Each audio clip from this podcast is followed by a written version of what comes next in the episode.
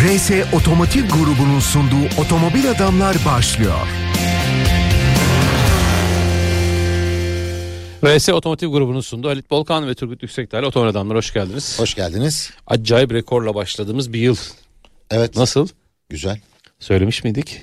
Evet. Ya işte Sebebini bu- söylemiş miydik? Onu da söylemiştik. Ha. Hani herkes böyle işte bundan sonra satılmaz bilmem ne 2024 falan. Hayır Ocak ve Şubat'ta rekorlarla gelir diye bu hem bu mikrofondan hem YouTube kanalından hem Twitter'dan her yerden yerden yazdık söyledik. yazdık söyledik ama e, tabii net rakam vermek lazım ya. Hemen söyleyeyim. Ee, Ocak ayında Türkiye'de otomobil ve hafif ticari olmak üzere toplam 79.701 adet araç satıldı arkadaşlar.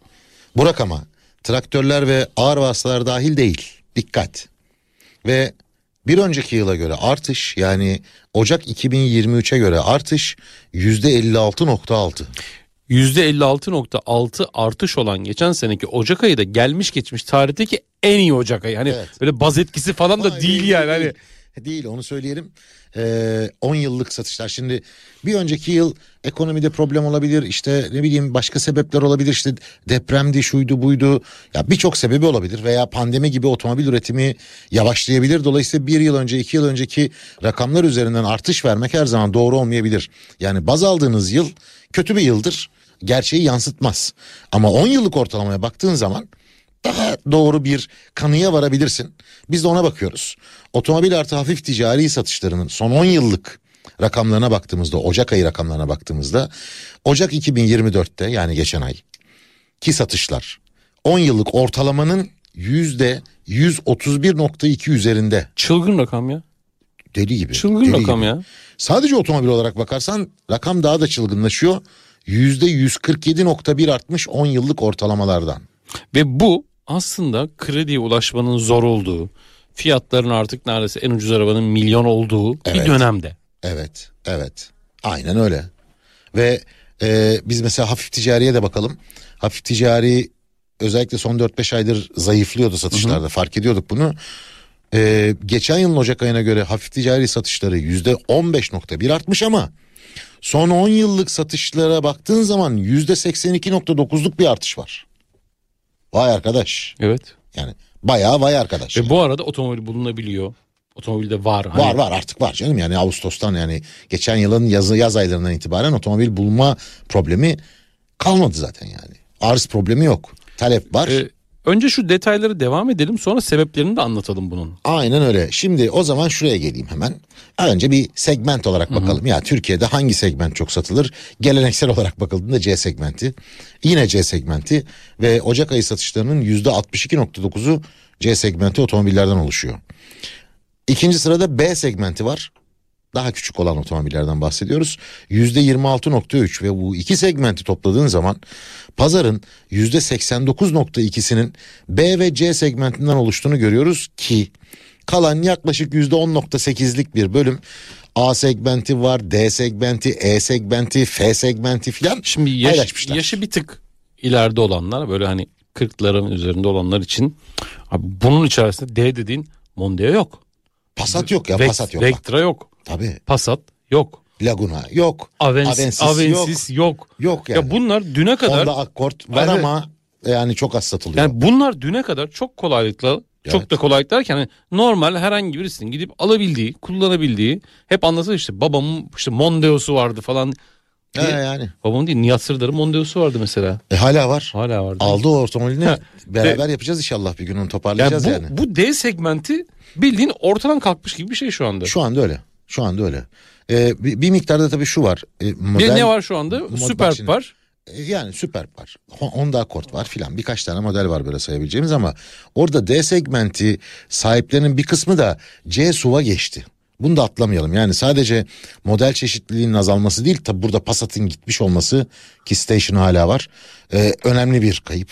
Ha bu arada Peugeot 508'i de atlamayalım. Yani o segment içerisinde yer aldığı için söylüyorum. Ama yine de e, Türkiye pazarı B ve C segmenti Evet. kardeşim. Bu kadar basit. Su demişken hani SUV'lara gitti demişken e, ben bunu tekrar etmekten sıkıldım. Söylemeyeceğim o yüzden. Ben bunu 10 yıl önce söylemiştim falan demiyor diyorum ya hep. SUV'lar Ocak ayında pazarın %52.6'sı. Artık her iki otomobilden biri zaten SUV hatta biraz daha fazlası SUV. Sedanlar pazar kazandı Ocak ayında. %30.3. Hatchback'ler pazar kaybetti. %15.3. Bu bu aya ait rakamlar. Dolayısıyla e, geçen yılki rakamlara bakıldığında %28'lere inmişti sedanlar bir ara. Hatchback'ler %20-21 aralığında sürekli gidip geliyordu. 20-21,5 aralığında hatta. E, burada Ocak ayına özel bir durum var. Bu hem engelli satışlarıyla ilişkili bunu detaylandıracağız biraz sonra. Hem de arzla ilgili de sıkıntılar yaşanmış olabilir. Buna bakarız. Yakıt olarak bakalım. Benzinin krallığı devam ediyor. %64.4. Ee, ikinci sırada hibritler var. %16 ama burayı açmak lazım. Normalde hibrit tanımına giren otomobiller aslında full hibritler yani tam hibritlerle plug-in yani şarj edilebilir hibritlerdir. Global olarak böyle kabul edilir. Ee, ancak ve ancak bizde mild hibritler de hibrit başlığı altında toplanıyor. Bir şey açalım mı? Tabii. Mild hibrit ne? Şimdi bizi bizi sürekli takip eden arkadaşlarımız var. Onları mutlaka takip etmişlerdi biliyorlardı ama bilmeyen de olabilir. Mild hibrit ne? Mild hibrit dediğimiz aslında e, yakıt tüketimi ve dolayısıyla aslında emisyonu düşürmek için kullanılan en uygun fiyatlı elektrifikasyon çözümü. Yani motorla şanzıman arasına ya da şanzımanın içine bir tane elektrik motoru yerleştiriyorsun. E, bazı istisna örnekler dışında olmak üzere mild hibrit sisteminde elektrikli sürüş yok. O elektrikli motor benzinli ya da dizel motora güç desteği veriyor.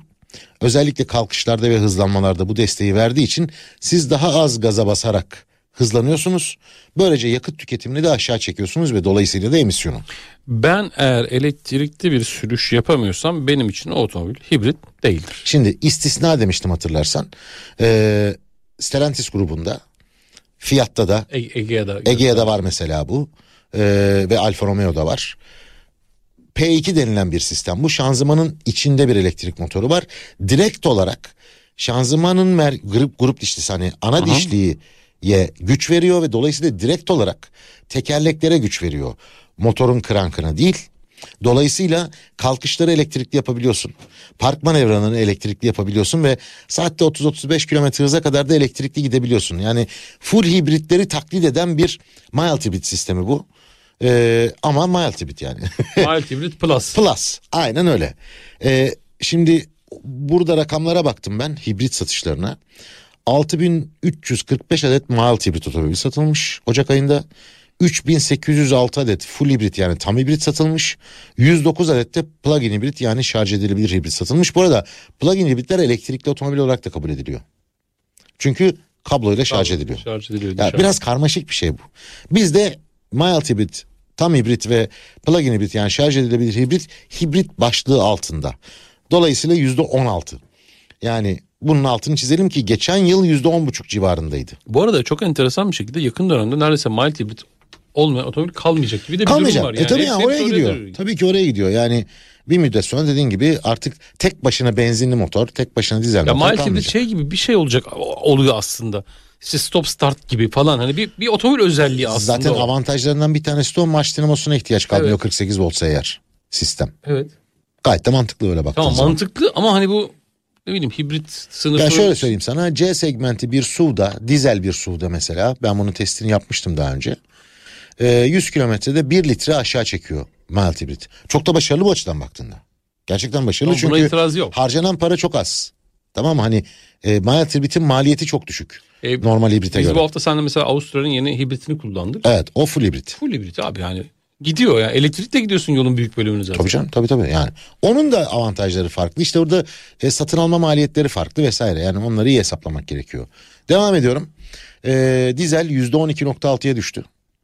Normalde 13 küsurlarda bitirmişti yılı 14 civarında bitirmişti. Yavaş yavaş eriyor. İşte hem arz, arz, yüzünden. yok, evet. Yani Burada arz ağırlıklı olarak. dizel satılır. E, elektrikli otomobiller %6.2 Ocak ayında pay aldılar pazardan. Ama burada da bir açmak gerekiyor durumu. Çünkü bir batarya elektrikli otomobiller var. Yani bildiğimiz safkan elektrikli otomobiller var. Bu %6.2'lik pazarın içerisinde. Bir de Nissan'ın e-Power'ları var. Şimdi orada bir tartışma var. Nissan'ın e-Power teknolojisi elektrikli otomobil mi, hibrit otomobil mi? Bir taraf diyor ki elektrikli otomobil ki Nissan da böyle diyor. Bir taraf diyor ki hayır bu hibrit otomobil. Şimdi elektrikli otomobil olması için şarj edilebilir olması gerekiyorsa kabloyla bu elektrikli otomobil değil. Zaten öyle bir kablosu olsaydı biz buna range extender diyecektik. Yani menzil uzatıcılı elektrikli otomobil diyecektik. Çünkü içinde jeneratör olarak çalışan bir benzinli motor var. Şimdi ben şunu yaptım. Ee, Safkan elektrikli otomobiller kaç tane satılmış diye baktım. 3542 adet satılmış. Çok az. Ya bu ay için çok az. Yani e, onun sebebine geleceğiz tekrar ama. e, bu Nissan'ın e-Power'ları ise 431 adet satılmış. Dolayısıyla Safkan elektriklilerin pazardan aldığı pay %6.2 değil %5.5. İkisi birlikte %6.2'ye geliyor ama bir şeye dikkat çekeceğim. Bak baz etkisinin ne kadar yanıltıcı olabileceğine dair çok güzel bir örnek bu. Geçen yılın Ocak ayıyla kıyasladığın zaman elektrikli full yani tam elektrikli otomobillerin satışı yüzde 401 artmış. Oo müthiş rakam dersin. Tabii 400 yüzde 401 artmış. E işte baz etkisi bazen yanıltıyor. İleriki yıllarda bu normal hale gelecek. 10 yıllık ortalamayı da söylersen yüzde Söyleyemem ya. tabii canım herhalde yani. bu arada tabii elektrikli otomobillerin güç bandı açısından satış rakamlarına da baktım. 160 kilowatt altı. 204 beygir oluyor yanlış hatırlamıyorsam. Altında kalan ki bunlar e, çoğunlukla %10 ÖTV dirimine girenler. E, Birçok marka da oraya girsin Oraya diye bir girsin şeyler uğraşıyor yaptı. tabii ki. Ee, %84.2'si pazarın elektrikli pazarın. 160 kW üstü güçlerdekilerin aldığı pay ise %15.8. Yani Mercedesler, BMW'ler, Hyundai, Tesla'lar Porsche'ler, şunlar bunlar Tesla'lar, falan filan onlar zaten çoğunlukla hani yüzde kırka giriyor zaten ÖTV olarak. Ee, insanlar uygun fiyatlı elektrikli peşinde. E zaten Türkiye'de insanlar uygun fiyatlı otomobil peşinde. Bu kadar basit. Ee, şanzımanları hep söylüyoruz ya yüzde 87.3'e geldi artık otomatik şanzıman oranı. Bu gittikçe artacak. Ee, sonra e, aynı Amerika'da olduğu gibi vay sen manuel şanzıman kullanmayı biliyor musun günleri gelecek. Oraya doğru gidiyoruz. E, ticari araçların da gövde tiplerini kısaca söyleyeyim. Van tipi çok tipiktir bizde hep yüksek pay alır. Yüzde 71.1'i. Çünkü dağıtım araçları bunlar. E, kamyonetler yüzde 14.4. Pikaplar yüzde 9.5.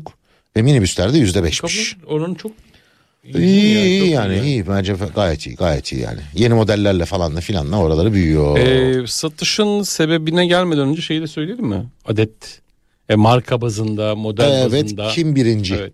Yani marka olarak en azından. Şimdi otomobilde Ocak ayında lider Renault. 8873 adet binek otomobil satmış Renault. Tabi bunlar ağırlıkta Clio ve Megane sedan.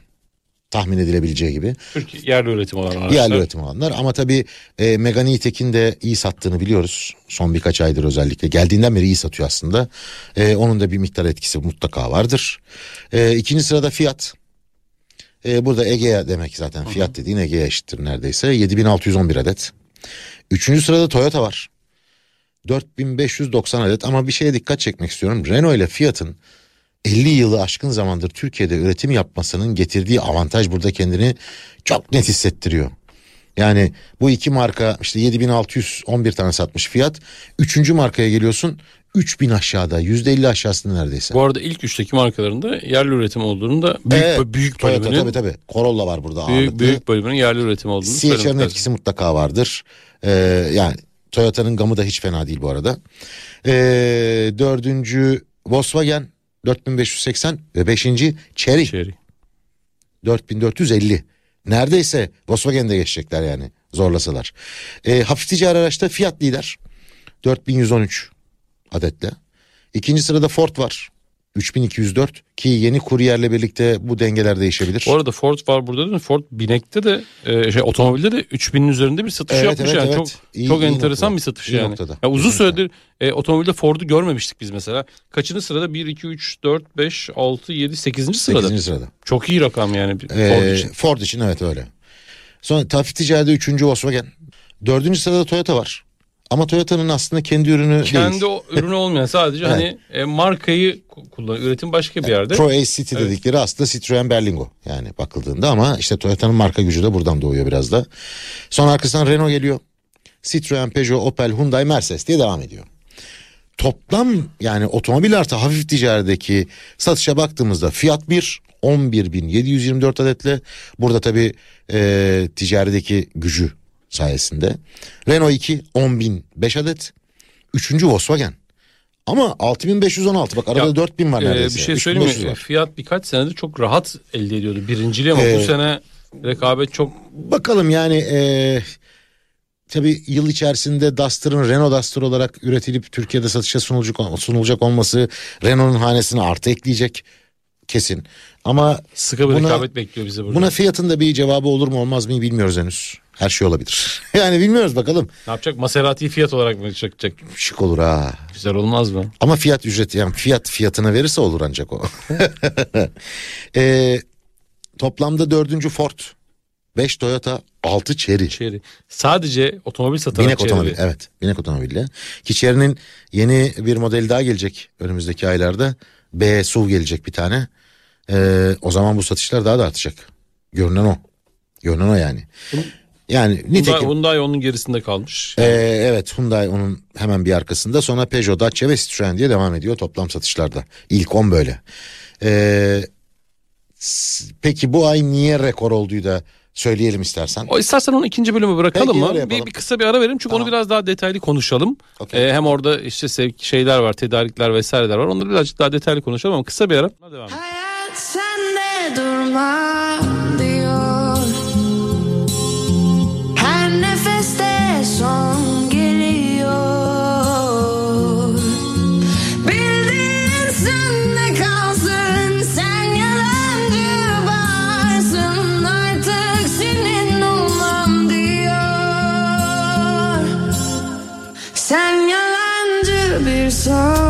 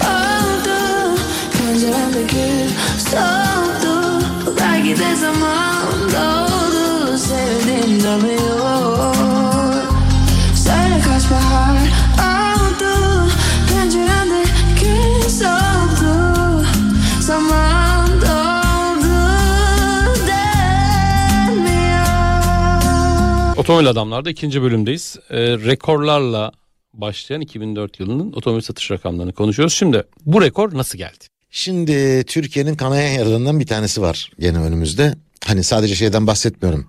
Biz zamanında hep söyledik ya Türkiye'de otomobil pahalı değil vergiler yüksek Evet. vesaire vesaire. Hala da da söylüyoruz aslında. Ee, böyle de devam ediyor. Burada engellilere yönelik bir uygulama var biliyorsun. Yani e, yüzde 90 ve üzeri engelli raporu olan kişiler e, ÖTV'siz ya da ÖTM muafiyetli otomobil alabiliyorlar. Tamam mı? Fakat buradaki problem şu malum enflasyonist bir ülkedeyiz. Her ay otomobillere zam geliyor. Ancak ÖTM muafiyet limiti diye bir şey var. Ve bu limit yılda bir kere güncelleniyor. Yılbaşında. Yılbaşında. Şimdi 2023 yılının 1 Ocağı'nda bir önce yani geçen senenin 1 Ocağı'ndan itibaren e, açıklanan ÖTV muafiyet limiti yani ÖTV'li KDV'li fiyatı 1 milyon 4 bin 200 liraya kadar olan otomobilleri ÖTV muafiyetli olarak alabilirsiniz dendi. Rakam buydu. E, tamam Ocak ayında 1 milyon 4 bin 200 liraya kadar otomobilleri almaya başladın. Abi Mart'a geldin, Nisan'a geldin. Kal- Artık kalmadı. o otomobiller azaldı. Yılın ortasına geldin kalmadı. Yani niye? Çünkü engelli %90 ve üstü engelli birisi bir otomobil alıyorsa büyük ihtimalle e, büyük bir arabaya ihtiyacı var. Belki e, koltuk kullanıyor. Yani Tekerlekli tekerlekli, sandalye. sandalye kullanıyor. Onu koyacağı bir alana ihtiyacı var. Otomatik olması gerekiyor otomobilin. Vesaire vesaire. E şimdi 1 milyon 4 bin liraya otomatik şanzımanlı otomobil kalmadıysa alamıyorlar. Yani buna başka bir çözüm de getirmiyorlar bu arada. O zaman ne yapıyorlar? Yılbaşına kadar bekliyorlar. Hepsi bekliyor.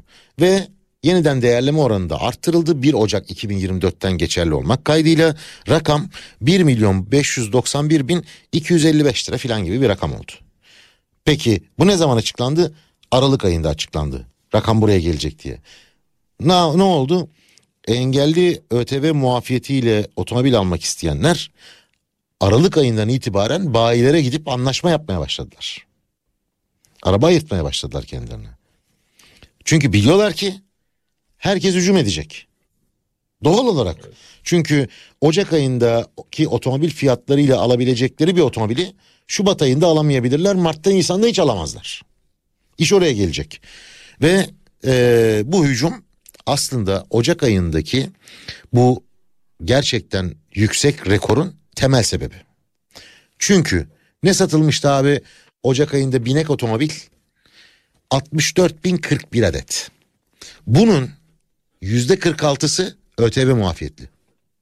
Neredeyse yarısı. Neredeyse yarısı yani yaklaşık olarak 30 bin tanesi bu araçların ÖTV muafiyetli olarak alınmış. Bu arada markaların burada kazancı vesairesi hiç bayilerin değişmiyor. Hayır değişmiyor değişmiyor. Burada eksilen sadece ÖTV. ÖTV. Tabii canım. Hatta KDV'nin bir kısmı ekleniyor. Onun özel bir hesabı var. Ee, bir kısmı da ekleniyor. Yani e, ÖTV tamamen attım işte KDV'yi ekledim gibi bir şey değil. Orada e, aynı zamanda engelli oranına göre de farklı oranlar çalışıyor falan. Biraz karmaşık bir yer orası. Ama yani 64.041 otomobilin e, yüzde 46'sı dediğin zaman abi bayağı bir rakam yani.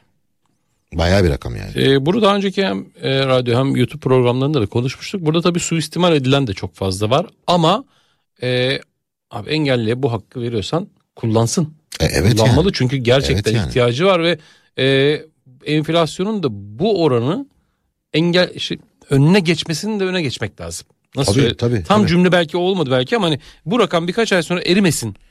Hani Ya bunu- Temmuz ayında da otomobil alabilsin Evet yani buna ihtiyacı olan insanlar. Bir de ben şeyi anlamıyorum hala daha. Niye böyle bir limit koyuyorsun ki? Şimdi sen bunu e, engelli olduğu için ona pozitif ayrımcılık yapmak için yapıyorsan ya adam niye 4 milyonluk bir otomobil almasın ki? Evet. Basamaklar koy. Niye bir Range Rover almasın mesela? Niye Parası da yani? varsa. Varsa parası. Ha ona farklı dilimler koy. ÖTV'nin bir kısmını ödesin mesela.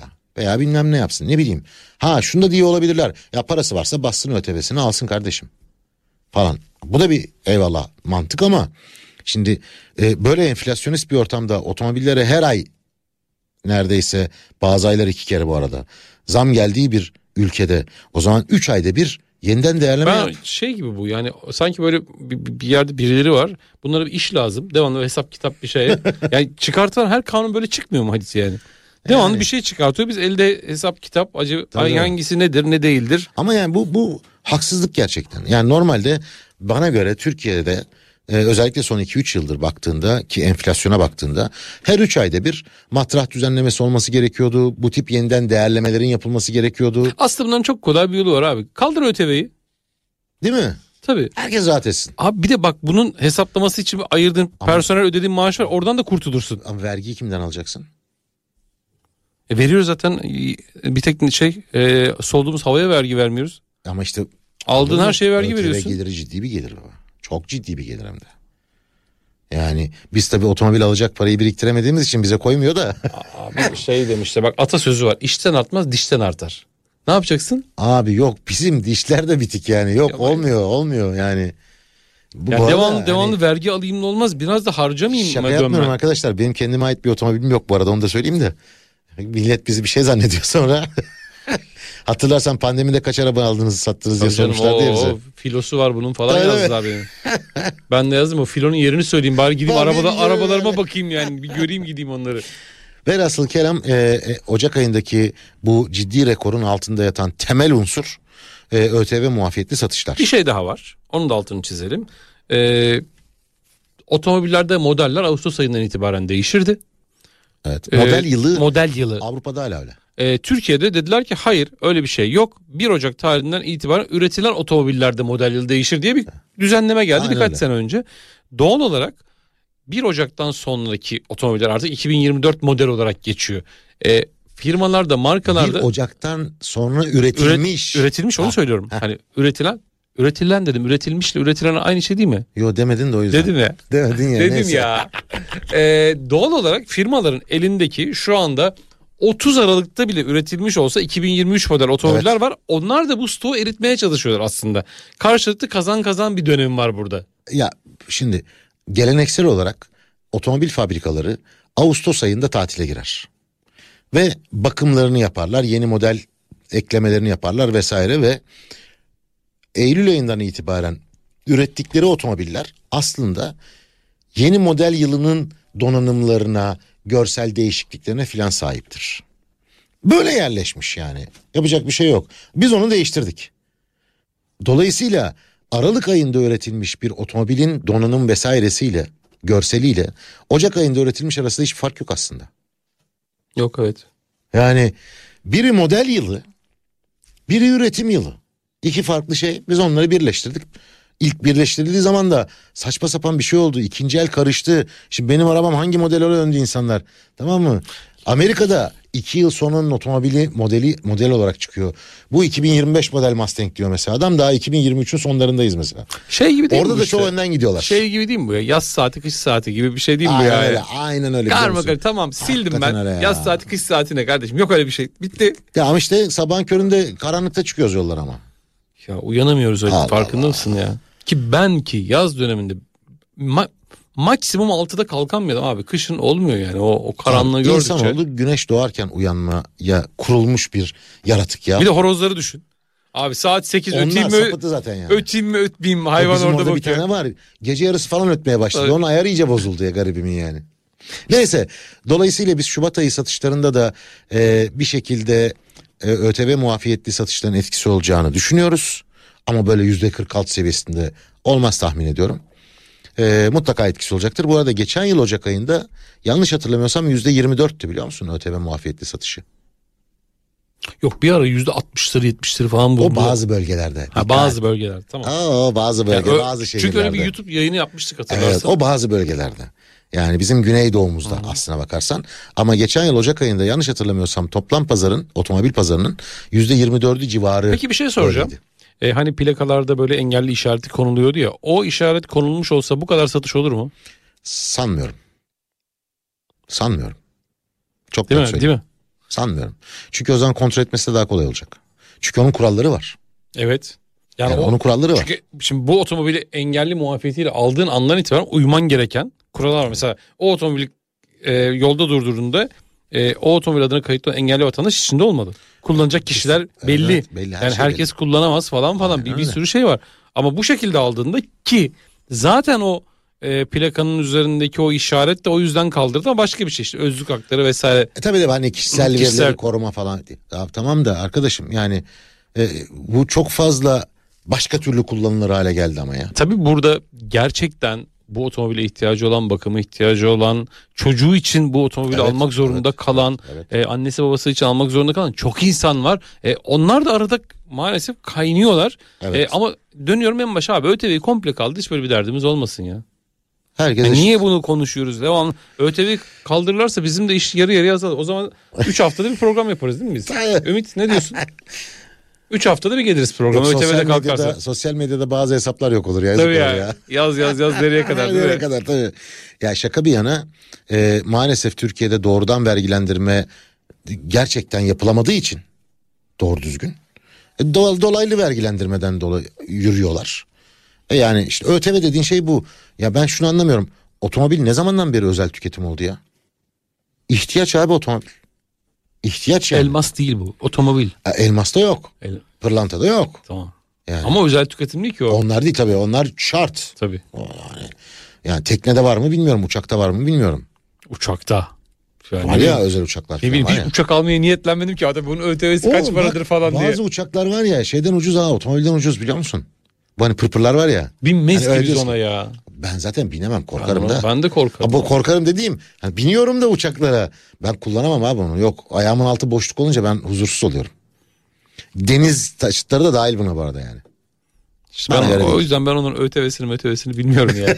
Hiçbir fikrim yok.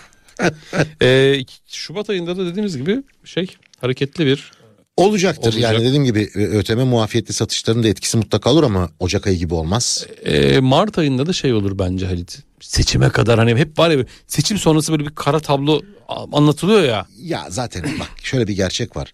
Ee, enflasyonist bir ortamda olduğumuz için bugün 1 liraya aldığımızı gelecek ay 1 liraya alamayacağımızı biliyoruz. E şimdi mevduat faizlerine bakıyorsun. Ha, ekonomist gibi konuşmaya başladık artık okuya okuya her şeyi. Ee, mevduat faizleri gerçek enflasyonun altında. Borsanın ne olduğu belli değil. Hani yük, yük ben hiç anlamıyorum borsadan. Yükseliyor düşüyor bir şeyler oluyor. E, döviz baskılanıyor bunu bir de az çok biliyoruz.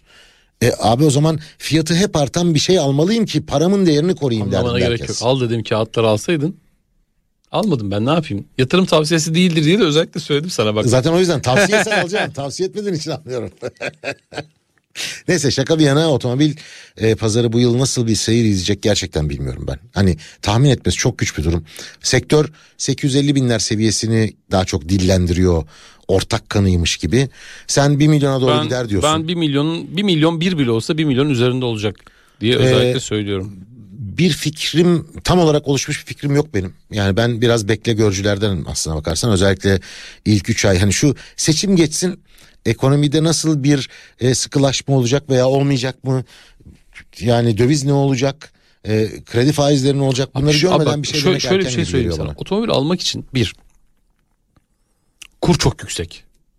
Daha da yükselecek diye konuşuluyor. Konuşuyor. Kur çok Evet. yüksek. Yakıt fiyatları tarihin en yüksek seviyesinde. Evet. Kasko fiyatları inanılmaz bir yerde. Evet. Krediye ulaşmak imkansız. Yok artık değil. Veriyorlar ama faizler çok faiz yüksek. tamam imkansız dediğim o faiz Evet. çok yüksek.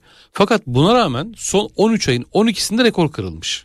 İşte diyorum ya Yani otomobil da- daha ne kadar kö yani tarihin aslında olabilecek en kötü döneminde rekorlar kırılıyor. Peki Türkiye'de eee, gerçek anlamda otomobil satın alma potansiyeli kaç kişidir?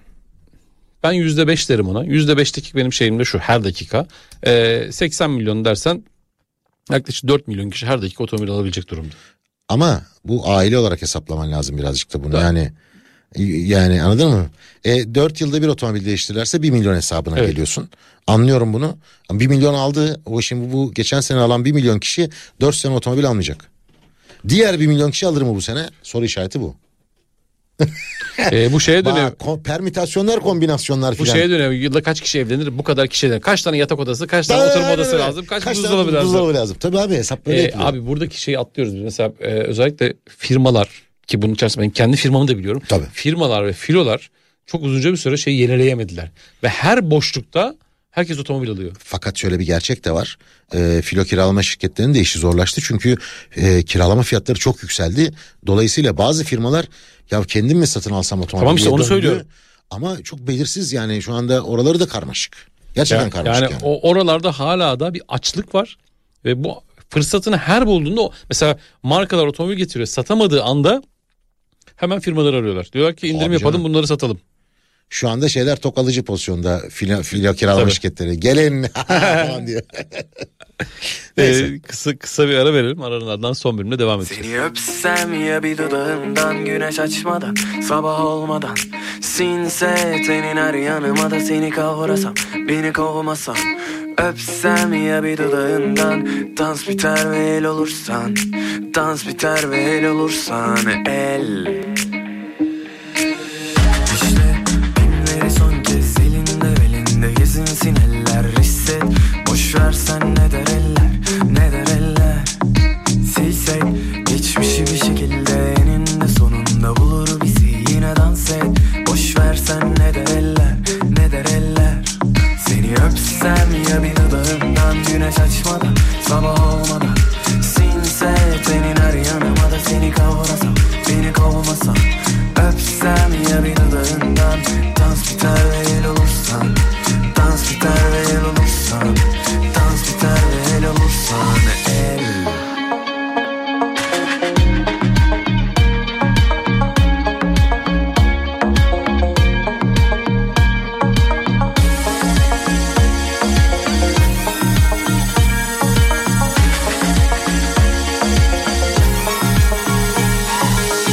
Dişle pimleri son kez elinde belinde gezinsin eller hisset.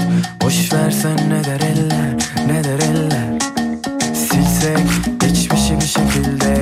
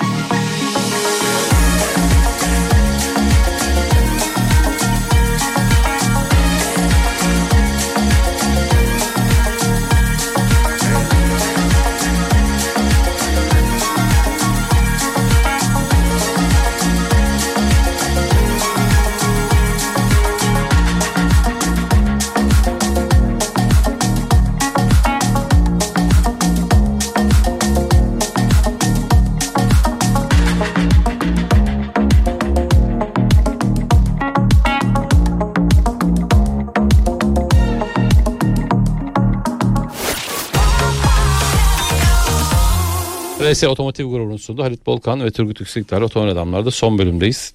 Dizi seyrediyor musun? Nadiren. Bu ara mesleki deformasyona da her dizide otomobillere bakıyorum ben bu arada. Ne kullanmışlar falan. Bir de böyle plakaların hani bir bilinmeyen Hmm. Ya plaka işi. Ya ama bu kadar göstere göstere yapmayın o plaka Ama ben işini. sana bir söyleyeyim mi? Ee, iyi oldu biliyor musun? Herkesin eli rahatladı. Ya ne bileyim eskiden böyle otomobil insanlar o Buzlanıyordu ya onlar filan yani anlamı yok yani. Ben bir de çok özür dilerim sözünü kestim. Markaların falan buzlanması da bana Evet yemekten ya, ya. abi yani ama ister istemez aa bu aslında bilmem ne falan diyoruz ya. herkes tanıyor abi arabaları ya. Onu buzlamayın gidiyorum pavyonu gösteriyor. Ya, ya, ya, yani, bu ha. ne abi? Ya baba Egea'nın fiyatını buzlasan ne olur? Türkiye'nin en çok satan otomobili. Herkes biliyor zaten o otomobili. Yani bir anlamı da kalmıyor. Bir de görüntüyü kirletiyorlar ya. Evet. Görüntüyü kirletiyorlar. Sen o dansı yap- şey yapabiliyor musun böyle hani? Bu arada çok özür dilerim. Haberlerde görüntü izliyorsun çatır çatır buzlayamadan geçiyor bütün arabalar. Her şeyi görüyorsun. Ya Ee, onu geç abi ben bak e, şimdi ya. televizyonlar yorum almak için geliyorlar ya Evet. bazen sağ olsunlar. Abi şey yazamıyorlar hani ünvanı mı yazamıyor sana ne diyelim diyor falan. Çünkü ne verelim ünvanda bilmem ne işte şu şirketin müdürü yazamıyor şirket adı yazamıyor. Ya komik bunlar da ama ya. Ama çok komik tamam mı? hani işte o da genel müdürü. Evet. E, e, tamam ben oyum. Yok onu yazmayayım ne yazalım? Yazın işte bir şey. ne Otomobil diyeyim? uzmanı falan. Otomobil Öyle uzmanı bir, falan. böyle bir şey de yok ki otomobil uzmanı diye. Yani. Otomobil uzmanı falan ne yazıyorlar yani? yani. Bu, bu çok saçma ya. Evet. Özel bir şirketin genel müdürü bak. Ha özel bir şirketin. Ona bir kısaltma uydursalar aslında. ACT desem onu da kabul etmiyor. Otokalap diyorum Etmez, onu da yok, kabul olmaz. etmiyor. Etmez. Etmiyorlar yani. Etmez. Otomobil adamlar dersin. Onu da etmezler. Onu da etmiyorlar. Hepsi markaya giriyor. Oho abi yani. Neyse. Ha. Bir tanesi ileri sürüş teknikleri uzmanı yazmıştı ya benim için. Geçen bu arada e, bir yayın için aradılar. Dediler ki işte merhaba şöyle bir konu var ileri, ileri sürüş. Dedim ki ben ileri sürüş teknikleri uzmanı değilim. Bu söylediğiniz sorunun yanıtını verebilirim ama bunu yazacaksanız beni çıkarmayın. Nasıl yapalım dedi. Halit Bolkan yanımda o ileri sürüş teknikleri uzmanı dedim. Tak şeyi bağlantıyı onunla Ben yaptılar. lisanslıyım çünkü yani hani öyle bir şeyim var resmi tanımım var neyse Çünkü ki. o- onu yaşadım ya ben bir kere. Evet, bir kere tabii. aynı çünkü değilsen değilsindir.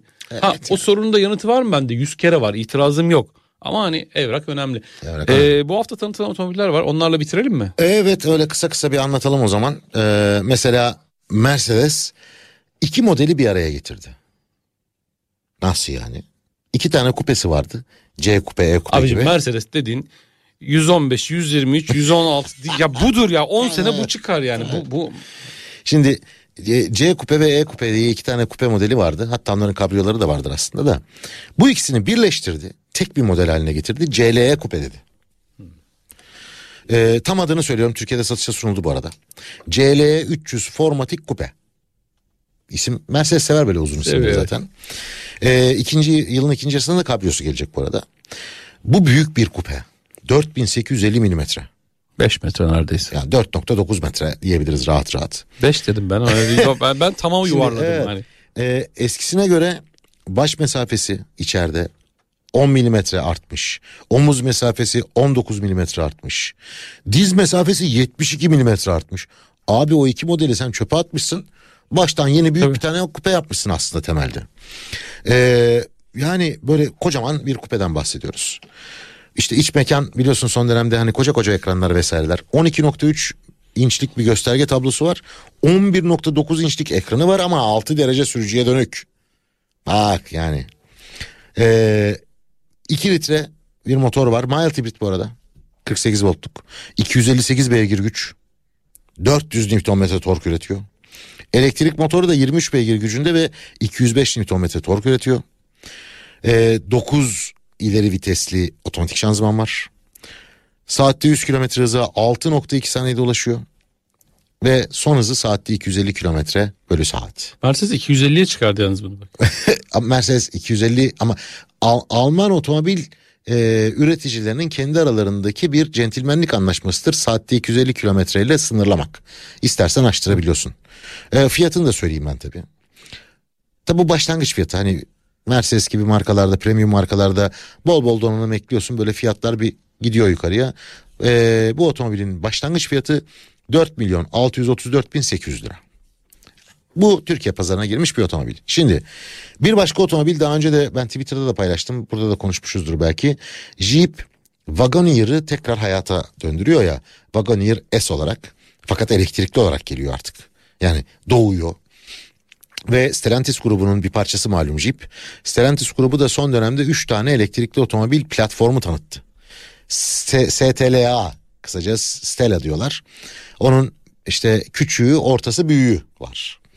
Yani small, medium, large ve bu large adı verilen en büyük platformdaki ilk model tanıtımı hani böyle gidiyor şu anda. Jeep Wagoneer S olacak. S tanıtılıyor. Yavaş yavaş veriyorlar bilgilerini. Bu arada çok böyle e, alçak tavanlı falan bir SUV'dan bahsediyoruz. Bayağı sportif görünüyor. Ki elektrikli otomobillerde hep diyorum ya ben SUV'lar da 10 yıl içerisinde ölecek. Onlar da hepsi fastback, liftback böyle daha alçak yapılara bürünecek. Bu Wagoneer'is de biraz öyle hafiften. Ee, son verilen bilgilerin birkaç tanesini söyleyeyim. 600 beygir gücünde bir versiyon olacakmış. Ve bu 600 beygirlik versiyonun tabi Amerikalı olduğu için bunlar mil üzerinden veriyorlar. 0 nok- sıfırdan 60 mile yani sıfırdan saatte 96 kilometre hıza ulaşma süresi 3,5 saniye olacakmış. 0 yüzü aşağı yukarı 3.7 3.8 olur demektir bu saniye olarak söylüyorum. Ee, Macintosh diye bir çok özel müzik sistemi üreticisi vardır. Onun 19 hoparlörlü müzik sistemi olacakmış bu otomobilde. Filan böyle enteresan bilgileri akıtmaya devam ediyor Jeep yavaş yavaş. Hani pamuktan su damlatır gibi yapıyorlar. Yakında öğreneceğiz. Son bir bilgi daha vereyim. Yeni bir model yakında çıkacak piyasaya. Alfa Romeo Milano. B segmenti bir SUV. Aslına bakarsan Jeep Avenger, Opel Mokka onların alt yani Jeep Avenger altyapısından geldiğini tahmin ediyoruz. 10 Nisan'da resmi tanıtımı var. Valla ben heyecanla bekliyorum merak ediyorum. Burada Alfa daha, daha önce yaparsa. bir ön bir bilgi gelmişti Milano. Şimdi Evet, tarih belirlenmiş Tarih galiba. belirlendi. Alfa'da böyle yürüyor şu anda. Önce bir gizli saklı halini gör. İsmini önce söylediler. Milan olacak diye eski bir modelin ismidir Alfa Romeo'da. Şimdi e, gizlenmiş e, fotoğrafları var. Balocco pistinde testleri devam ediyor diye. E, Fiat Alfa'nın e, geliştirme pistidir. Çok da çıktım ben o piste. Güzel de bir pisttir bu arada. İşte 10 Nisan'da da otomobili net olarak göreceğiz ve detaylarına hakim olacağız. Bakalım zaman gösterecek. Test deyince canım şey çekti. Çıldıra gitsek ya be. Gideriz be. Oraya da gideriz. Ben hiç gitmedim bu arada Çıldır'a. Bak 10 bu- yıl üst üste davet edildim Bak bu ama yıl, hiç gitmedim. Bu yıl bir çıldır yapalım. Bak bu gölün üzerinde böyle bir test. Evet e, global ısınma o, o yani gölün donmasını engellemeden önce. Evet ya yani çıktık diyelim en azından. Ee, neyse bir programın daha sonuna geldik. Dinleyen, değer veren tüm dostlara çok teşekkür ederiz. Önümüzdeki haftada Türkiye'nin Kafa Radyosu, Kafa Radyo mikrofonlarında görüşmek üzere. Hoşçakalın, iyi hafta sonları. Hoşçakalın.